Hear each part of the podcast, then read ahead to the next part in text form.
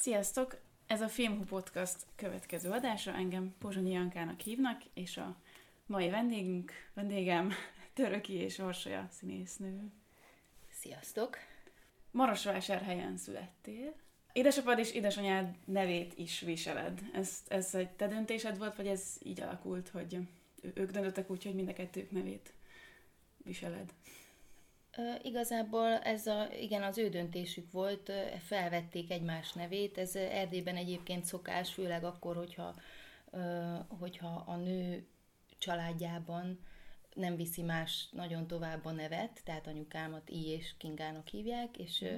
és ö, ö, azt szerették volna, hogyha ez az I és név tovább megy. És az alatt a rövid idő alatt, amíg ők házasok voltak, addig édesapám is viselte az édesanyám nevét. Uh-huh. És hogy érzed, hogy a, a személyiségükből is ilyen fele-fele lettél te? Ö, igazából nem um, tudom, hogy nem, nem, nem, nem. Én egy harmadik fajta személyiség vagyok. Nyilván felfedezek jellemvonásokat, jókat is és rosszakat is, de, de ugyanúgy a nagyszüleimből is, szóval uh-huh. egy ilyen finom, vegyes. Egy főiskolára is oda jártál Marosvásárhelyre, és édesanyád is ott tanított, esetleg téged is tanított, vagy az még jóval korábban volt? Nem, ugyan anyukám tanított 30, vagy nem is tudom, nagyon sok ideig tanított a főiskolán, de ö, talán szerencsére engem nem tanított. Én egyébként nem is oda akartam felvételizni, hanem Kolozsvárra, pontosan azért, hogy ne ott, mert úgy szembe lakunk a főiskolával, és számomra ez, ez elképzelhetetlen volt, hogy, hogy még közelebb kerüljek, ugyanis ö, az otthonomhoz, ugyanis iskolába körülbelül három percre jártam, és általános iskolában mondjuk 7 percre, gimnáziumba ö, három percre, és akkor a Színművészet Egyetem az meg ö, gyakorlatilag tíz lépésre volt, uh-huh. tehát hogy szerettem volna ö, ebből a közegből egy kicsit kilépni, de, de aztán ö, végül úgy döntöttem, hogy ö, hogy hogy csak oda fogok felvételizni, ez nagyon gyorsan dölt el, tehát ilyen két-három hét alatt készültem fel a felvételire. És akkor nem bántad meg, hogy végül nem Kolozsvárra mentél? ez nem, ez nem merült fel? Később? Hát most így visszatekintve, meg a, a ma az, ami van, az életem, azt azért eléggé meghatározta most mm. már így, ez, hogy oda felvételiztem. Tehát azt mondom, hogy egyáltalán nem bánom. Mm akkor igazából azért szerettem volna, mert volt egy, egy számomra nagyon kedves ember, a Csiki András, aki a következő évben indított volna ott egy osztályt, és szerettem volna az ő osztályába kerülni, de így meg a felső szomszédom a Luhinszki Lóránd osztályába kerültem, ami azért nem volt rossz. És szerettél hogy főiskolára járni? Ezek, hogy gondolsz vissza ezekre az évekre? Egy igazából a felvételi után egy óriási csalódás következett az első fél év, amikor nagyon nem találtam ott a helyem, és nem, nagyon nem éreztem jól magam, és azt gondoltam, hogy, hogy itt majd az én képességeim majd kibontakoznak, és erre azt, azt vettem észre, hogy rettenetes, amit csinálok, uh-huh. és nem is, úgy érzem, hogy nem is kapok túl sok segítséget. De aztán úgy valahogy valahogy igazából az, hogy elkezdtünk saját magunk dolgozni, és saját magunk ilyen kis jeleneteket magunknak megrendezni, ez volt az, ami aztán így, így belendítette bennem ezt a, ezt a dolgot, és akkor már úgy kicsit talán jobban éreztem magam, de az a tény, hogy nem csak színészileg adtál bele, hanem a kreatív részéből, tehát a kreatív azt a rész, abból is kivetted a részedet, hogy az, a magám az alkotásból lehet ez jobban igen, Ez pontosan, volt. és azelőtt ugye nagyon sokat vártam a tanároktól az első időszakban, és hát úgy 95%-ban azt éreztem, hogy, hogy itt csak ilyen egóknak van a, mi a, mi a hallgatóságai vagyunk ezeknek az embereknek, és igazából nem rólunk szól a dolog. Aztán így valahogy ez átfordult abba, hogy nekem kell magamnak kigrundolnia azt, hogy én tanuljak. Uh-huh. Most a több interjút is elolvastam, amikor a beszélgetésre készültem, és hát azért legtöbb helyen felmerül az, hogy te még mindig nem tekintesz magadra konkrétan színésznőként. Ez, ez, ez változik benned, vagy ez egy olyan dolog, hogy mindenfélevel foglalkozol köztük színészettel is? Ez talán abból jön, hogy ebbe beleszülettem, ebbe a, ebbe a létbe, és nyilván az ember próbál tovább lépni. Uh-huh. És hát tehát, hogy én ezt egy saját útnak fogom fel, amibe, tehát azt már elfogadtam viszonylag korán, hogy, hogy ez van, ez az én múltam, és ezzel indulok, de hogy, hogy igazából a saját személyiségem az, ami halad előre ebben az életben, uh-huh. és ennek ez egy kifutása, amihez vannak eszközeim, amiket mondjuk tényleg már láttam gyerekkorom óta, és jól tudom használni, tehát tulajdonképpen ilyen kizárásos alapon ezzel kezdtem el foglalkozni, mert úgy éreztem, hogy az, amit mondani szeretnék, az ilyen formán ö, jöhet ki leginkább belőlem. De, de igazából soha nem ragaszkodtam hozzá, vagyis azt próbálom csak megtalálni, hogy, hogy valóban legyen mondani valóm. Tehát, hogy így szakmailag, tehát hogy, hogy, hogy, hogy én minél érdekesebb, vagy hogy is mondjam, így a szerepek, vagy a, ezek az ilyen klasszikus értelemben vett színész álmok, ezek soha nem voltak bennem. Uh-huh. Tehát mindig csak az volt a, az volt a fontos, hogy, hogy én hogyan tudok abban fejlődni, és közben azt, amit éppen gondolok, azt el tudom-e ezekkel az eszközökkel mondani. Uh-huh. Gondolom, akkor ez a szerepválasztásokban is nagyban. Tehát hogy ettől függ, hogy milyen szerepet válasz el, akár nem a Szabolcsnak a filmében, hanem mondjuk a többi Jeles András, vagy a Buharovéknak a Hát, hogy, hogy igen, tehát, hogy igazából nem is szerepekre gondolok, hanem, hogy részt veszek ezekben az, ezeknek az embereknek a munkájában. Uh-huh. És mivel én nem vagyok egy, egy, tehát, hogy soha nem tudnám vállalni mondjuk azt, hogy én rendezőként, vagy valamilyen más formában.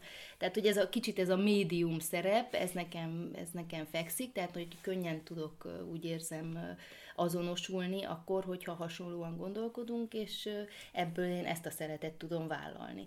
Tehát, hogy volt már olyan, hogy nagyon kis szerepet, és olyan szerepet vállaltam mondjuk a, a a román rendezőnél, az Adrián Szitárunak a filmjében, ahol gyakorlatilag egy-két mondaton volt, mégis az érdekelt, hogy mondjuk ő hogyan dolgozik, és mit, mit mond el magáról és a világról. Tehát, hogy az is nagyon érdekes volt. Uh-huh. Ez volt a Best Intentions, ugye mi annak a magyar címe? A, a legjobb, legjobb szándéka.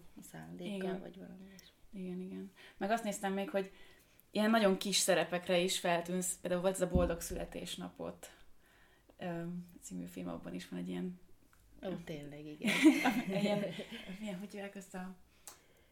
ilyen kérdező. Ké, igen, hogy ilyen kérdőívet kitöltő lány, és akkor igen, ez is egy ilyen nagyon... De tegnap direkt rákerestem, hogy így hol voltál a filmben, és így pont megtaláltam. Mert ugye a Szabolcsal 20 éve együtt munkában, meg az életben is együtt vagytok. A macerás ügyekben fel voltál tüntetve, mint forgatókönyvíró, de a többi közös projektetekben nem. Ez, ez mitől volt így? Hogy, hogy alakult így?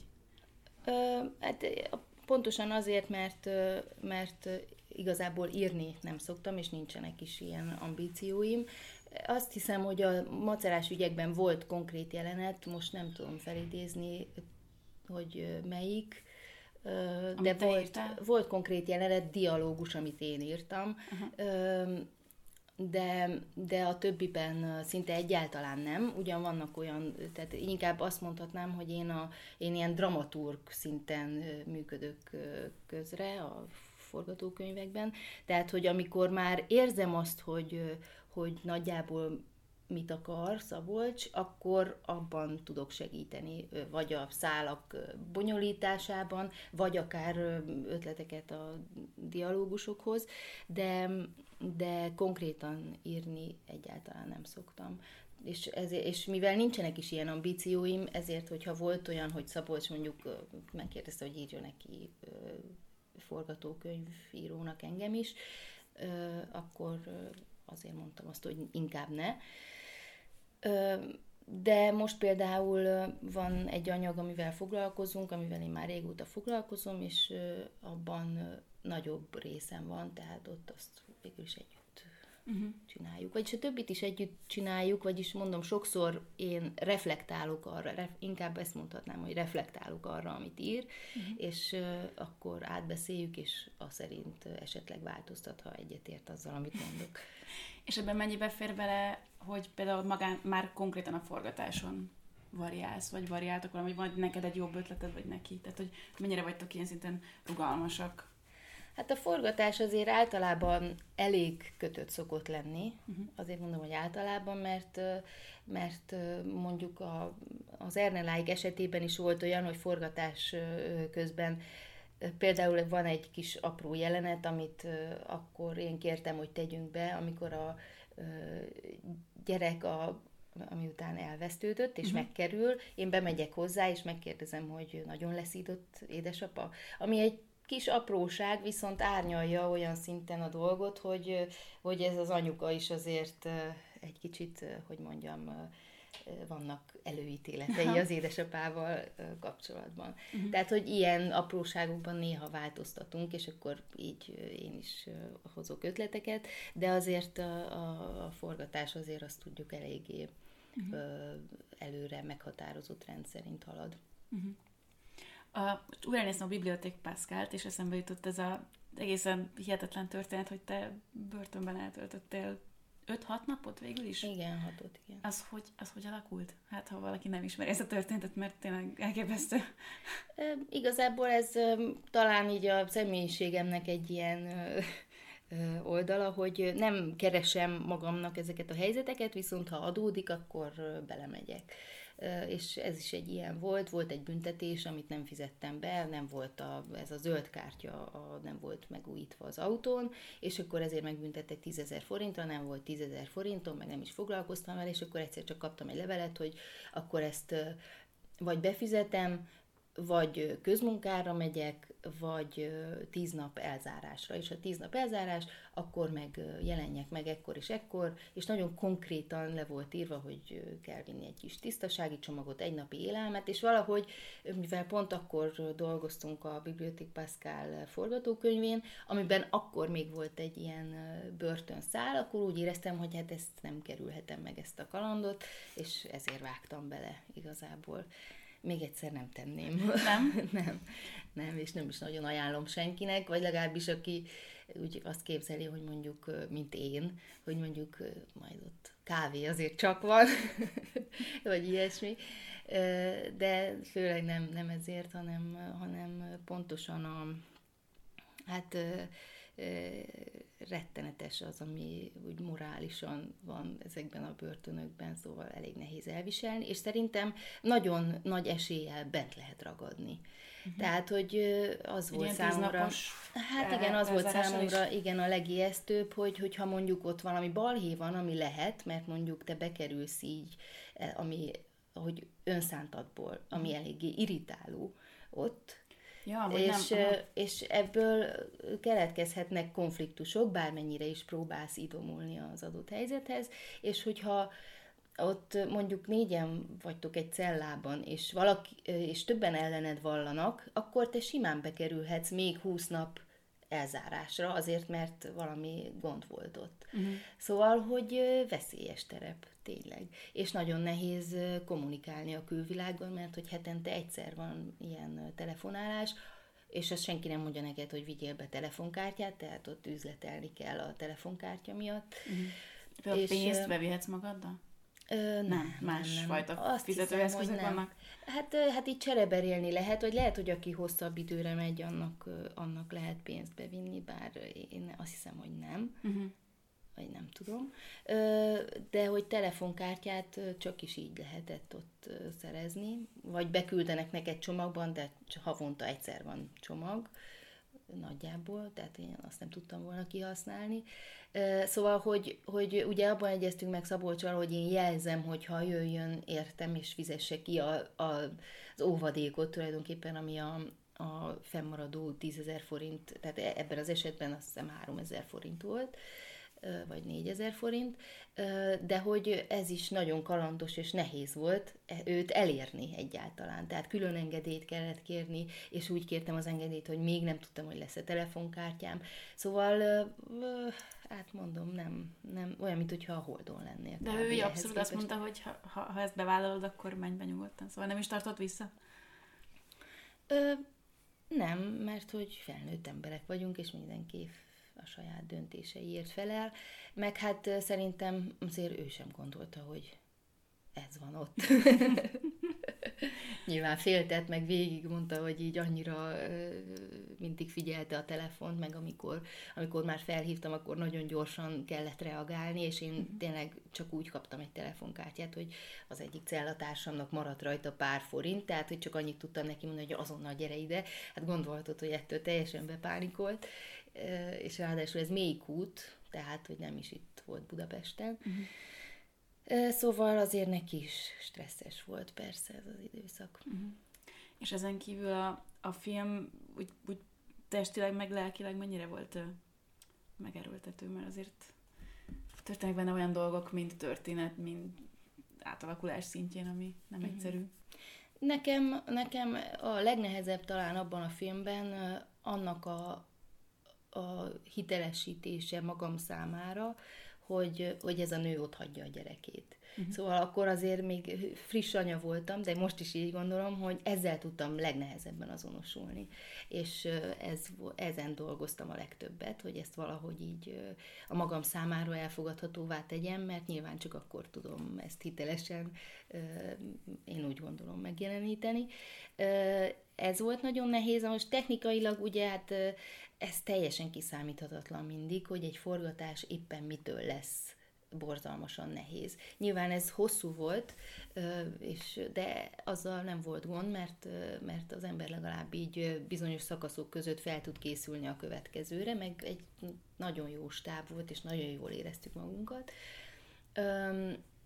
De hát nagyjából ott tanultam meg azon a forgatáson, hogy, hogy mindig a legrosszabbra készülök. Tehát arra készülök, hogy az a nap nagyon nehéz lesz.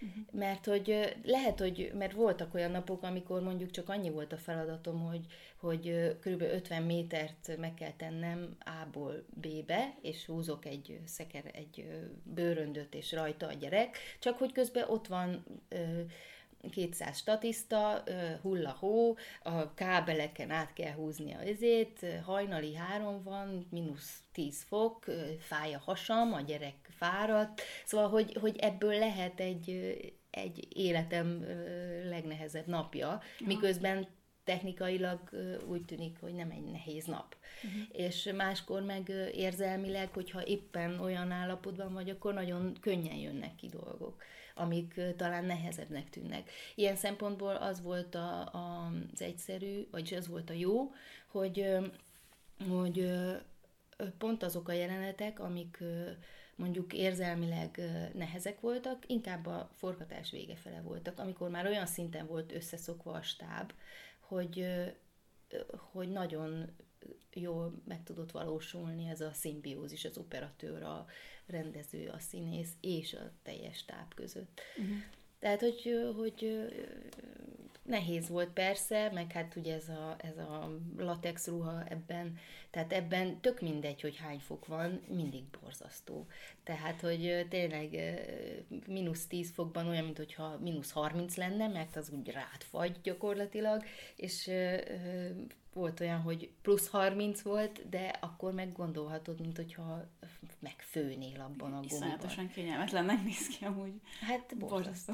Nagyon rossz. És hány órákat kellett abban eltöltened így napi szinten? Hát sokat, ugye, sokat kellett, ilyen 12 órákat. Nyilván szünetekben az ember leveszi, de volt olyan, hogy egy tócsa volt alattam, és néztem, hogy mi az, is kiderült, hogy belőlem csorgott le az izzadság a végén, a ruha végén legalján de az igazság, hogy ugye a, ahhoz a jelenethez, amikor kiszívják a levegőt, Igen. oda dublőrt használtunk, és többször kellett neki futni, és soha nem jött vissza ugyanaz a csapat tehát ők se nagyon vállalták ezt a dolgot, tehát azt a jelenetet összesen nem is tudom, összeszámoltuk, vagy 7-8 ember játszik benne, pedig egy jelenet, mert uh-huh. hogy több darabból lett összerakva. És gondolom az az egész pince rész, ugye ahol vannak ezek a szobák, azt azért itthon vettétek fel, nem? Tehát, Igen. Forgat, forgattatok Angliában is, meg Németországban is, vagy csak hol? Ö, Ausztriában, Ausztriában, forgattunk, ö, helyen, ott a vasútállomáson, uh-huh. és Liverpoolban talán egy-két napot, nem tudom, mert ezek nekem tök mindegy, mert azt sem tudom, hol vagyok, annyira nem foglalkozom azzal, hogy éppen hol vagyunk. Uh-huh. De a magát, a, magát a, a a Pascal könyvtárát, azt itt a Váci út végében ott van egy ilyen óriási víztározó, vagy valami ilyesmi, és az lett átalakítva. Valaki mondta, hogy talán még mindig megvan a díszletnek egy része. Hú, király.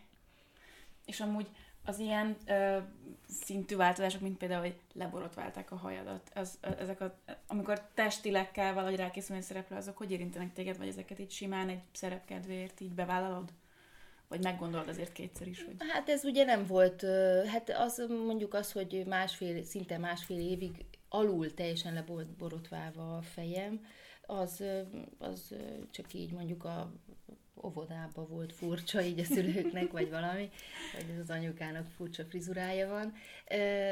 Tehát azért olyan extrém módon nem kellett így, tehát nem kellett 20 kilót fogynom, híznom, vagy valami ilyesmi nyilván az ember mindig mérlegel, hogy mi az, ami megéri, és mi az, ami nem.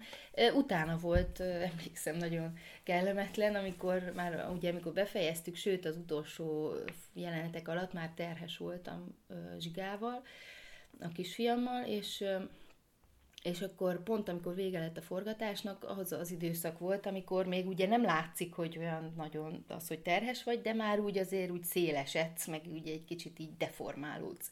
És akkor elhatároztam, hogy már pedig, ha vége a forgatásnak, akkor teljesen kopaszra lenyírom a, a, a hajam, és hát rettenetesen nőietlennek éreztem magam, ez a érzelmileg amúgy is ez a, a terhesség első időszaka nem éppen egy nagyon stabil időszak, és hát az elég rosszul érintett, és emlékszem, hogy, hogy, hogy valahol megjelent egy ilyen válogatás, hogy az elmúlt tíz év legjobb női a magyar filmekben, és ott voltam, és annyira örültem, hogy azért mégiscsak volt időszak, amikor jól néztem ki, hogyha most nem is.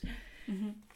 Amúgy gyakran szoktál cikkeket uh, olvasni magadról? Vagy hát van ez az általános kérdés, hogy legoogle, leszoktad magad google, googlizni? Nem, és ezt se fogom visszahallgatni. Előre szólok. Uh, tehát, ha nyilván, amikor van egy interjú, ami írásban mm. megjelenik, és elküldik, elolvasom, vagy ha javítatja az ilyen slendriálságokat, amiből most nagyon sok lesz, azokat kijavítom, de egyébként nem visszahallgatni se szeretem magam, meg nézni se. Szóval nem, kifejezetten nem szoktam. És a filmeket sem, a filmeket sem szeretem visszanézni egyáltalán. Nem, nem. De ez mitől alakult itt? Önkritikus vagy magaddal szembe, vagy ez mi, miért lehet? Hát általában egyébként az van, hogy amikor először megnézem a filmet, akkor mindig meglepődök, hogy ó, nem is olyan rossz. Tehát, hogy ó, jó, ahhoz képest, hogy mit gondolok magamról, ez úgy egész rendben van. Általában ez szokott lenni. Hál' Istennek, kopogjuk le.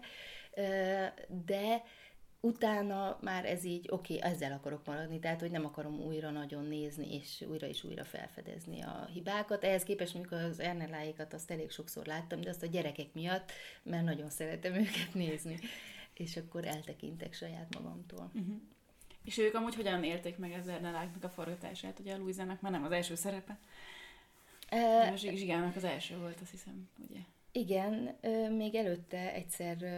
Ah, egy kis a Romanian Sunrise-ból is szerepel. Hát igen, abból végül nagyon kevés maradt meg belőlünk, uh-huh. de hát ugye leutaztunk, az egy egész napos forgatás volt Zsigával, amikor vona, egy vonaton leutaztunk, nem tudom, talán Nyíregyházáig és vissza, uh-huh. és hát azzal, az volt, hogy tulajdonképpen csak annyit kellett volna a végén már fölvenni, hogy ő alszik az ölemben már fölvettünk egyéb jeleneteket, és csak ezt kellett volna fölvenni, és az Istennek nem akart aludni, és ott pislogott, és még, még csak le se akarta hunni a szemét, és akkor már mondtam a, a rendezőnek, hogy jó, oké, akkor szerintem most vegyük a másik irányt, mert ebből nem lesz semmi, és gyakorlatilag még meg se fordult a kamera, és már aludt. Uh-huh. Tehát, hogy zsigával kb. ez van. Tehát, hogy persze van kedve, de konkrétan nagyon nehéz így motiválni, és ez volt a, a az Ernelláiknál is, hogy ugye első nap már gyakorlatilag mindent be kellett neki ígérni, hogy McDonald's-et kapsz forgatás után, meg minden, és így szülőként ez nagyon nehéz azért, mert hogy mégiscsak a saját hülyeségünkre próbáljuk rávenni azt a gyereket és nem tudom, hogy voltál-e már forgatáson, ahol szülők odaviszik a gyereküket, és az, én mindig annyira sajnáltam a gyerekeket, hogy most miért kell ezt a gyereket, tehát tényleg itt 12 órán, meg nem tudom, mert Luisa ő mindig élvezte ezt a dolgot, bár ott is voltak ilyen fajta kétségeink, de, de Szóval így, így, így tényleg az volt, hogy például Szabolcs már ki akarta hagyni az utolsó jelenetből, amikor ott csinálják ezt a ez kis előadást, mm. és aztán a rendező asszisztenssel, a Konkormátéval tulajdonképpen rábeszéltük, hogy, hogy legyen benne, mert hogyha már idáig megcsináltuk vele, akkor nem maradjon ki abból, aztán lesz, ami lesz. És, és nagyon jól sikerült a dolog, mert hogy Luisa nagyon ügyesen vonta be fokozatosan Zsigát, és a végén már Zsiga nagyon is élvezte a dolgot. Uh-huh. Tehát ez mindig olyan, olyan volt, hogy vagy-vagy. Aha. Tehát, hogy Szabolcs szoktam mondani, hogy, hogy kicsit mintha természetfilmet forgattunk volna, tehát el kellett csípni a pillanatokat, de közben meg, amikor ráérzett, akkor nagyon élvezte, sőt, van olyan, amit ő beletett talán egy mondatot a valamelyik Bud Spencer filmből, amit ő kölcsönvett. Hány éves volt akkor, amikor ezt forgattátok? A Zsiga? A Zsiga? Öt éves volt, igen. És egyébként a forgatás végén amikor már nem jöttek az emberek, akkor meg ö, ö, sajnálta, és kérdezte, hogy most akkor mi van. Uh-huh. Tehát gondolom a történetnek a részleteibe azért nem mentetek bele, hogy azt így elmagyaráztok neki, hogy most ebben jelenetben mi történik, és hogy itt csak azt hogy Zsiga itt most üsd a kanapét, meg, meg, meg ordibálj, vagy ez egyáltalán szülőként, hogy megy nektek itt az instruálás, meg gondolom, az közösen ment. Hát igen, abszolút közösen ment. Sőt, Szabolcs mindig azonnal hívott engem is, amikor Zsiga, és nekem is az hogy, hogy tudod, megnézi az ember a másnapi diszpót, és hogy ha én voltam, akkor oké, okay, de ha Zsiga is, akkor összerándult a gyomrom, vagy úristen, mi lesz. Elmondtunk neki dolgokat, mert hogy úgy tűnt, hogy hogyha érti pontosan, hogy miről van szó, akkor, akkor az neki sokkal jobb úgy emlékszem legalábbis. Ettől függetlenül azért volt olyan, amikor nagyon nem akart valamit csinálni, hogy átvariáltuk, és például amikor áll a izével a ö, pizsamában és a kezében a, a székláb, akkor, akkor úgy csináltuk, hogy tulajdonképpen azt hang nélkül kellett fölvenni, és akkor az volt, hogy én voltam, nem tudom, Iron Man, Szabolcs meg Superman, és ő meg egy harmadik, és akkor úgy kreáltunk egy ilyen helyzetet, és ja, tulajdonképpen abban vettük fel azokat a mozdulatokat, mert semmire nem volt akkor éppen hajlandó. Uh-huh. És mit gondolsz, hogy a Louisának még nagyobb kedve lett ezzel a színészethez? Mert azért ő azért hát, viszonylag nagyobb szerepe is van, szövege is van, meg minden szóval. Igen, abszolút kedve van hozzá, aztán, hogy hogy hová akar még majd, hova fejlődik, ez azt nem tudjuk, uh-huh. de abszolút kedve van hozzá, szokott is járni castingokra, és akkor utána eldönti, hogy van-e kedve abban részt venni, vagy sem, uh-huh. meg igen, élvezi. Egyelőre úgy tűnik, hogy nem, nem vettük el a kedvét. És te jársz castingokra? Persze, én is szoktam, tehát, hogy ugye az ember van egy szűrő, ami először az, hogy mi ez, aztán meg utána, hogy elmész egy castingra, az egy nagyon jó alkalom arra, hogy megismerd azt a, azt az alkotói légkört, meg közösséget, és akkor utána abszolút el lehet dönteni, uh-huh. hogyha kiválasztanak, hogy ebben részt vennél vagy sem. Uh-huh. Szóval én, én kifejezetten szeretek uh, castingra járni. Az NLA kapcsán azért nagyon sokszor felmerült a ti nevetek mellé az, hogy milyen úttörő, amit csináltatok, hogy az saját életetek, meg a saját lakásotok, a saját családotok, megnyitottak egy ajtót, és akkor mindenki belelát kb. Meg ugye az egész alternatív forgalmazás is, ahogy az egész filmet vittitek lakásokba, hogy mit gondoltok arról, amikor ilyen út, úttörőnek vagytok megnevezve? Ez milyen érzés? Jó érzés? Persze, nagyon jó érzés. Most az, hogy, hogy ugye ennek az elemei azért így fokozatosan kerültek be, uh-huh. és bizonyos értelemben kényszer volt. Tehát az, hogy, hogy, hogy így csináljuk. Tehát, hogy az például, hogy a saját lakásunkba forgattunk, vagyis a saját albérletünkben, az azért volt, mert hogy nem volt más, nem volt pénzünk másikra, és akkor hirtelen így kiderült, hogy hát tulajdonképpen az a legalkalmasabb, főleg annak fényében, hogy a gyerekek is játszanak benne. Na most ezt sem gondoltuk előre, mert egyáltalán azt sem gondoltuk, hogy film lesz ebből. Tehát, hogy, hogy ez az úttörőség, ez nyilván a, abból is jön, hogy az ember hiteles. Mert hogy, hogy felismeri azt, hogy mik a lehetőségei, uh-huh. és hogy ő mit szeretne, és abból próbálja kihozni a legjobbat. Tehát, hogy, hogy ez tulajdonképpen ebben nincsen semmi, hogy mondjam, szándék ilyen értelemben, hogy úttörőkké váljunk, hanem a, azokat a lehetőségeket használjuk, amik éppen vannak. És a, a pozitív visszajelzés gondolom meg segíti.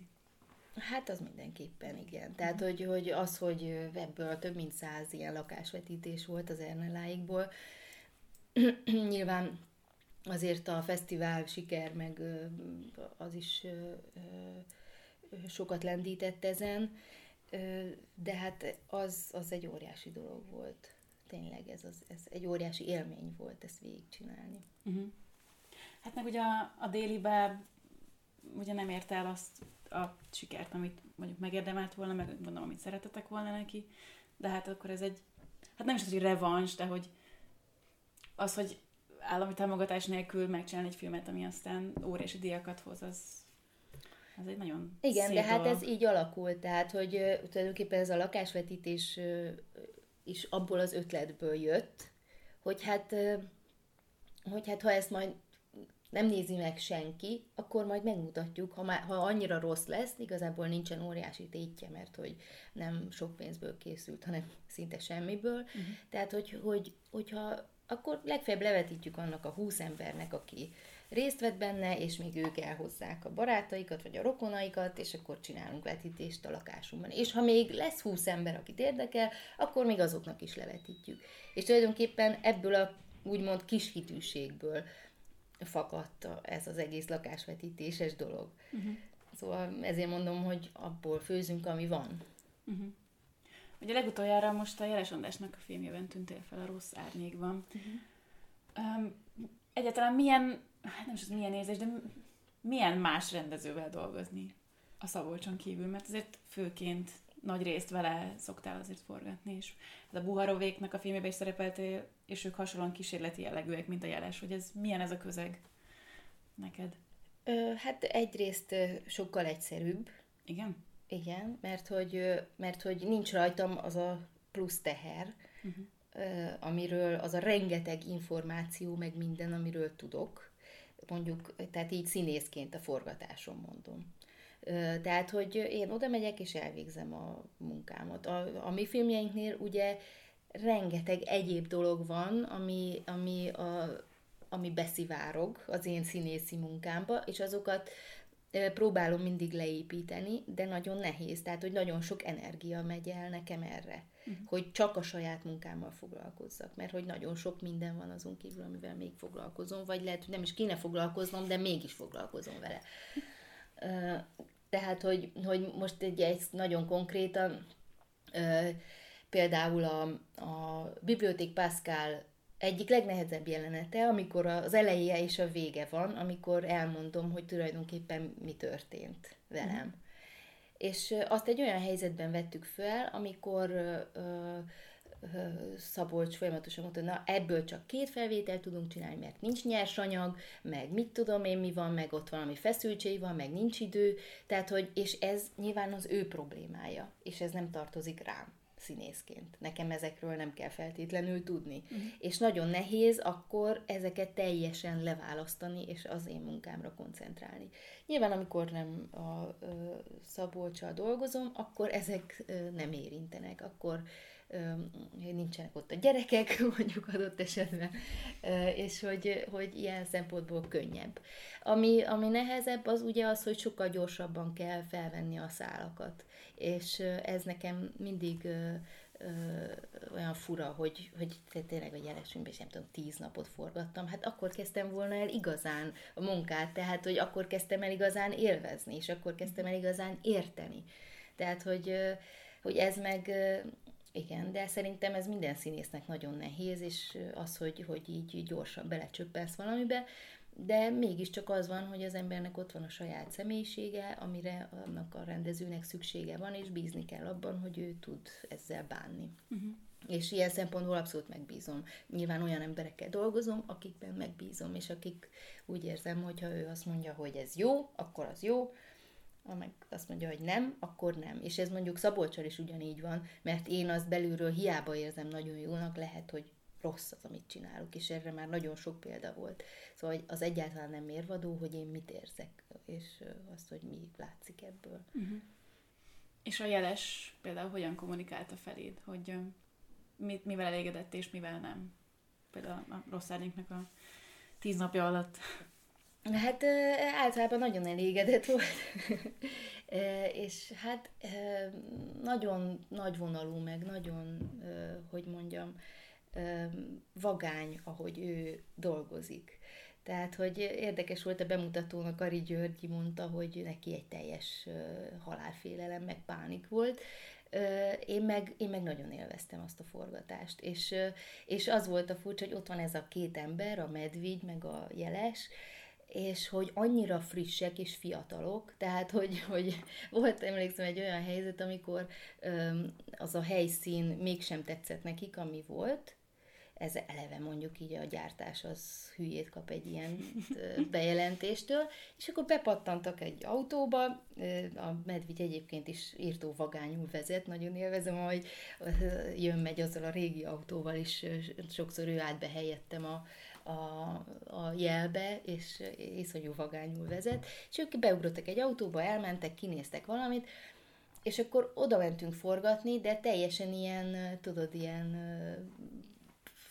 adhok, adhok módon két lámpával, amit ott azonnal beállítottak, jött egy néni, aki ott elkezdett reklamálni, a jeles szépen kezet csókolt, beküldte, csókolom, izé, és, és közben meg egy ilyen huncut mosoly volt a fejükön, és miközben a, a gyártás, ahol voltak nagyon fiatalok is, azok meg teljesen paráztak. Tehát, hogy, hogy annyira friss volt, és, és én nagyon élveztem ezt a, mm. ezt a helyzetet, és, és közben meg ők nagyon tudták, hogy mit akarnak. Tehát, hogy közben meg nagyon flottó zajlott a forgatás, legalábbis számomra. Tehát, hogy én mindig abszolút konkrét és pontos válaszokat kaptam tőlük arra vonatkozóan, hogy éppen mi a dolgom. Uh-huh. És amúgy nézőként is jobban érdekelnek az ilyen kísérletibb jellegű dolgok? Szóval ilyeneket is szeretsz nézni, mint amikben szerepelsz például? Ö, hát nagyon inspiráló, uh-huh. tehát hogy valahogy úgy érzem, hogy ezek a filmek olyanok, mint mondjuk, hát lehet, hogy rossz a hasonlat, de mégis ahhoz tudom leginkább hasonlítani, mint a, a divatban ezeknek a nagy, ezek a nagy divat bemutatók. Ugye mindenki azt mondja, úristen, ki fogja ezt felvenni, meg hát itt mindig megjelennek ilyen, hogy na né, oh, hát bugyiban, a szoknyában, a férfiak, meg izé, és aztán ezek szivárognak be, ezek a dolgok, amiket ezek az újdonságok szivárognak be az abszolút mindennapi divatba. Uh-huh. És, és úgy érzem, hogy ezek a filmek is így megtermékenyítenek embereket. És ugyan nem az, azok maguk nem a széles nagy közönségnek készülnek, viszont óriási hatással tudnak lenni. És, és ehhez meg egy iszonyatos bátorság kell, mert ugye el kell viselni ezt, hogy, hogy, hogy sokan azt mondják, hogy mi ez, meg mi van, meg van, amikor nem sikerül, vagy nem minden sikerül úgy benne, de pontosan a, a rossz árnyékban is azt éreztem, hogy egy nagyon, hogy nagyon nagy vonalú az egész. Tehát, hogy pontosan tudja, hogy mit akar mondani, és ha azt, amit el akart mondani, az rajta van a képen, az, az az jó, az úgy oké. Okay. És hogyha vannak apró hibák, vagy ami e, ilyen, e, hogy mondjam, nincs minden teljesen szinkronba, az egyáltalán nem baj. Mert attól van élet benne, és mm. attól olyan esendő és szép az egész. Hát, mint a korai filmjeiben is. Mm. Amúgy azokat szeretted a korai igen, filmjeit? Igen, mm. igen. És kiket szerettél még amúgy még így akár főiskolásként is volt, volt rendező, vagy színész, akit így nagyon szerettél? Hát az az érdekes, hogy főiskolásként nekünk nem nagyon volt semmiféle lehetőségünk arra, hogy nézzünk filmeket. Uh-huh. Néha valamit levetítettek, de főleg színházi előadásokat felvételről, és akkor megszereztük és lemásoltuk a kulcsát a, a, volt egy ilyen kis terem, ahol volt egy tévé, és és a, a könyvtárból kikölcsönöztük a filmeket, és éjszaka úgy a, valamit juttattunk a kapusnak, és ott néztünk filmeket. És ott láttam például a Florida a Paradicsom című filmet, ami, tehát hogy, hogy teljes reveláció volt számomra, hogy ilyesmi van. És mivel, hogy ez az egész ilyen titokban történt, teljesen az volt az érzésem, hogy én fedeztem fel ezt a filmet, és nem tudtam, hogy, nem, nem gondoltam, hogy fogalmam sem volt, hogy ez ki, vagy mi, vagy hogy hol nyert, vagy hogy mit kicsinálta. És, és teljesen az volt az érzésem, hogy, hogy hát ez csak nekem tetszik. De nem tudom, hogy én sokszor vagyok így nagy regényekkel is, uh-huh. akár, vagy regényekkel is, hogy az az érzésem, hogy ez annyira betalál, hogy, hogy ezt nekem csinálták. És, és az volt nagyon érdekes, hogy utána találkoztam a Szabolcsal, és az első beszélgetésünk pont oda lyukat ki, ahol kiderült, hogy ez neki is milyen fontos ez a film. Uh-huh. Hát meg ugye egy magyar lány is szerepel, meg van benne egy ilyen magyar vonal. Hát igen, amiről aztán ugye kiderült, hogy az a magyar vonal, ahhoz elég sok közünk lett, mert hogy a Jim Stark, akivel később együtt dolgoztunk a Déli Bábon is, és most is majd együtt fogunk valószínűleg dolgozni, és nagyon jó barátunk, kiderült, hogy egy kolozsvári fesztiválon, ahol egymás mellett ültünk, mert együtt zsűriztek Szabolcsal, és kiderült, hogy ő is Marosvásárhelyi, és az ő nagymamája van a Florida Paradicsom című filmben, tudod, a nagymama, igen, aki, igen. aki... Főzi nekik ott a gulyáslevest, vagy bableves. Igen. Szóval, hogy ilyen furcsán így össze... Ez ilyen sorszerű volt. Gabajodtak a dolgok, igen. Hm.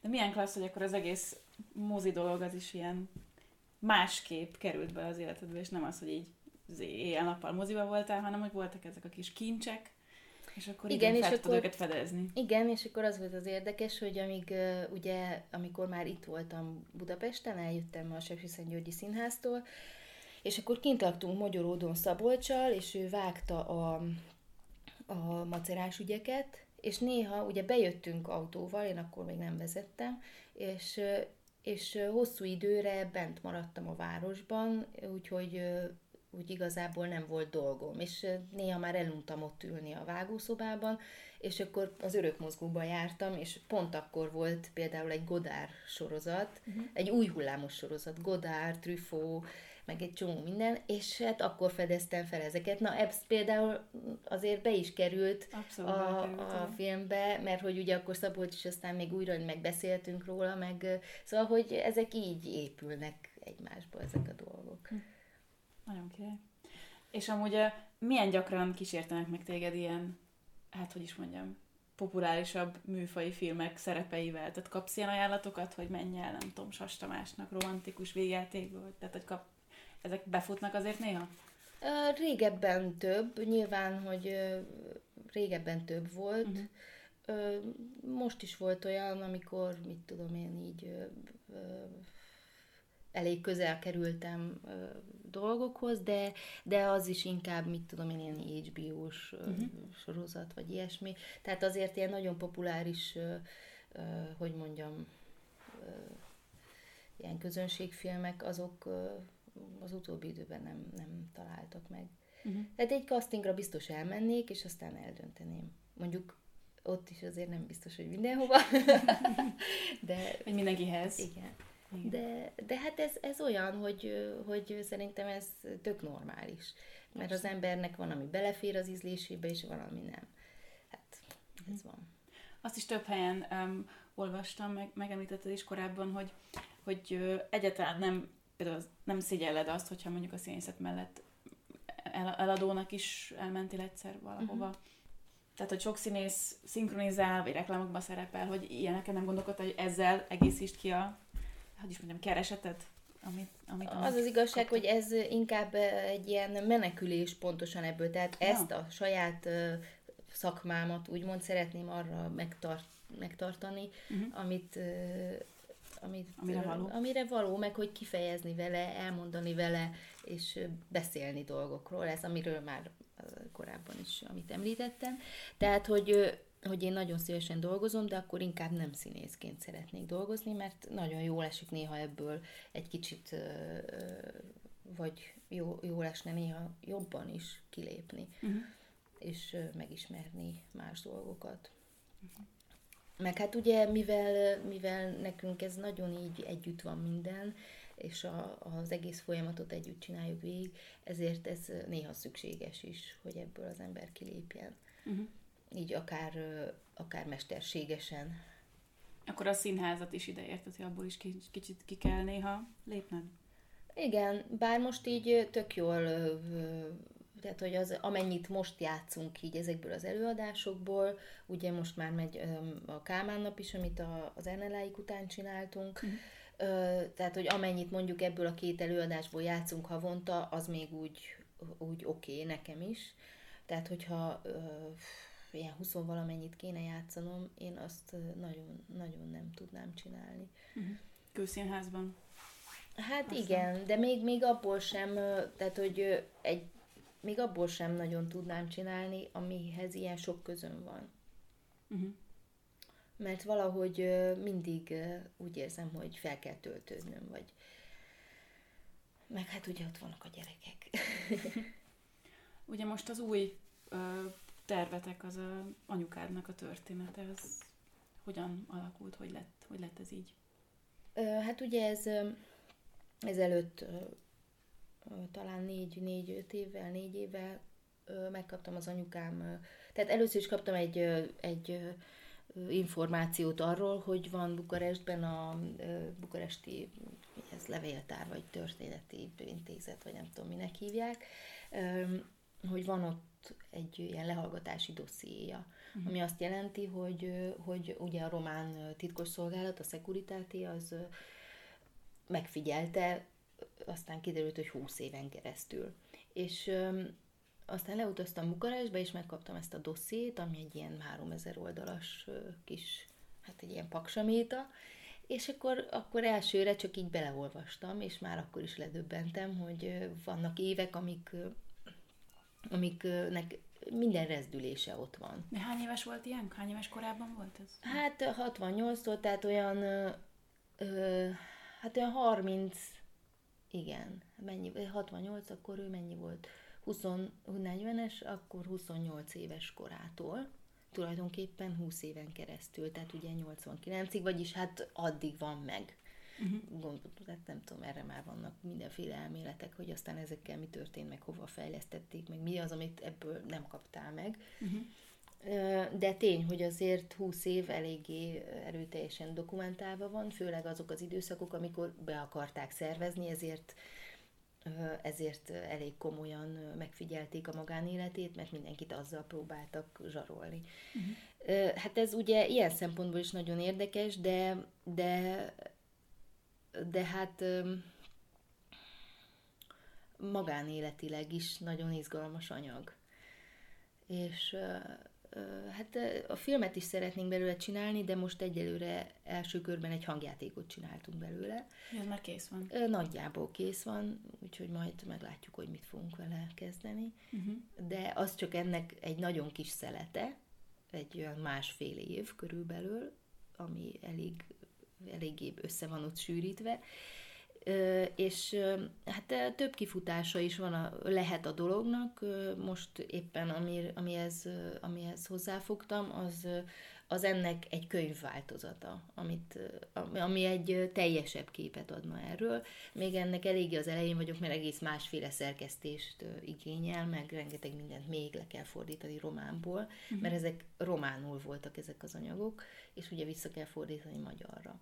Uh-huh. És nyilván nem csak a lehallgatott beszélgetések vannak, hanem rengeteg ilyen hivatalos ö, ö, levél, meg a jelentések róla, meg minden, ami egy iszonyatos ilyen bigfa nyelven van ö, megfogalmazva, szóval egy elég ö, ö, nehéz munka. Aztán ö, az elképzelhető, hogy abból film is lesz, de ezt még nem tudjuk pontosan, hogy mikor. Uh-huh. És milyen amúgy ilyen húzamosabb ideig könyvet írni, vagy nem, nem írtál még könyvet korábban? Vagy... Hát ez igazából elsősorban egy szerkesztői munka, Aha. tehát hogy, hogy nagyon változtatni nem fogok rajta, csak az, hogy hogyan hogy szóval egyáltalán nem mi dramatizálod, az... hanem hogy így a jelentések, nem. a hivatalos szövegek így igen, megmaradnak. Igen, igen.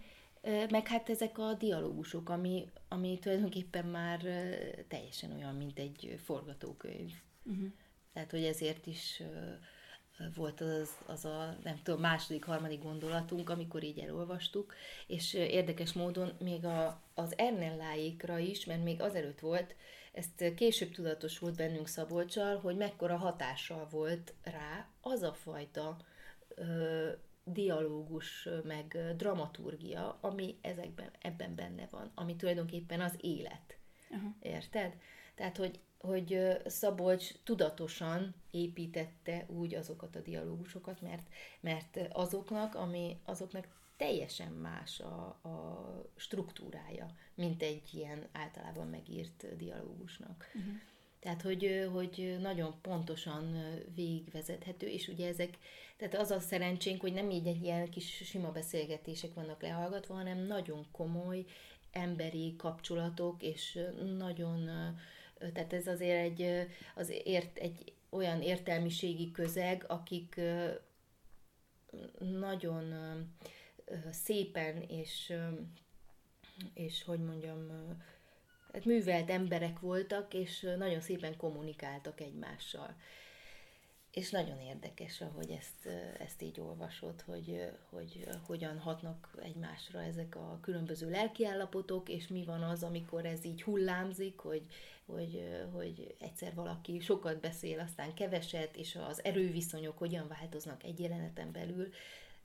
Nagyon-nagyon érdekes. És a család többi tagjáról, tehát például édesapádról, meg rólad is van benne szó, vagy így írnak rólatok benne? Vagy hát persze, mondjuk rólam kevesebb van, mert akkor már a 80-as években már egyrészt tudták, hogy lehallgatják őket, és ezért aztán nem volt annyira érdekes már a mhm. dolog, meg, meg, meg anyukám azért tehát a 80-as évek végére már olyan szinten ellehetetlenítették a munkájában, meg, meg ott a, a, az országban, hogy, hogy már nagyon kevés emberrel tartott kapcsolatot, és teljesen totál depresszíven ott élte a mindennapjait. És, de, de ez, amit például most feldolgoztunk, az pontosan a, az ő megismerkedésüknek az időszaka, amikor ö, édesapám, aki az anyukám diákja volt, és tíz évvel fiatalabb volt, ö, belépett az életébe, és aztán megszületett a bátyám. Ez egy film. és te, te alakítod anyukádat benne? Hát igen. És a filmen is te alakítanád? Hát remélem, hogyha még tíz éven belül megvalósul. Hát ez egészen elképesztő, amit az Ernelláékban is van egy ilyen, hát kvázi terápiás jellegű dolog, és ez, ez meg egy ilyen család, ez meg egy másik családterápia. Igen, de hát ha belegondolsz, akkor az összes többi film is valamilyen formában ez. Tehát, hogy a macerás ügyek azért ott annak az időszaknak, abból az időszakból szűrődött át egy csomó minden, Igen. és hát ugye a fehér tenyér az abszolút Szabolcsnak a, a gyerekkora. Off Hollywood az Off meg. Hollywood egyértelmű, és a Pascal az meg ugye ez az erdélyi, meg tudod, tulajdonképpen minden filmben van körülbelül ugyanennyi, mint mondjuk az Ernelláikban, csak itt sokkal látványosabb, azért, mert, mert hogy ott van nálunk, és Igen. de a többiben is körülbelül ugyanennyi az, ami így beszüremlik. Uh-huh. És mi a címe ennek a rádiójátéknak? Hát az a címe, hogy Objektíva Teodóra, Mhm. uh-huh. mert hogy ez volt a, a, a Teodóra volt a, a fedőneve, Uh-huh. és Objektíva ez a megfigyelt célszemély, igen, célszemély. Uh-huh. És akkor a könyv is ezen a címen, meg a, esetleg a forgatókönyv is ezen a címen fog Azt íródni. még nem tudom. Nem tudjuk. Nem tudjuk. Jó. Hát szerintem végeztünk, és így nagyon köszönöm, hogy itt voltál velünk, velem. Én is köszönöm. Sziasztok! Hello.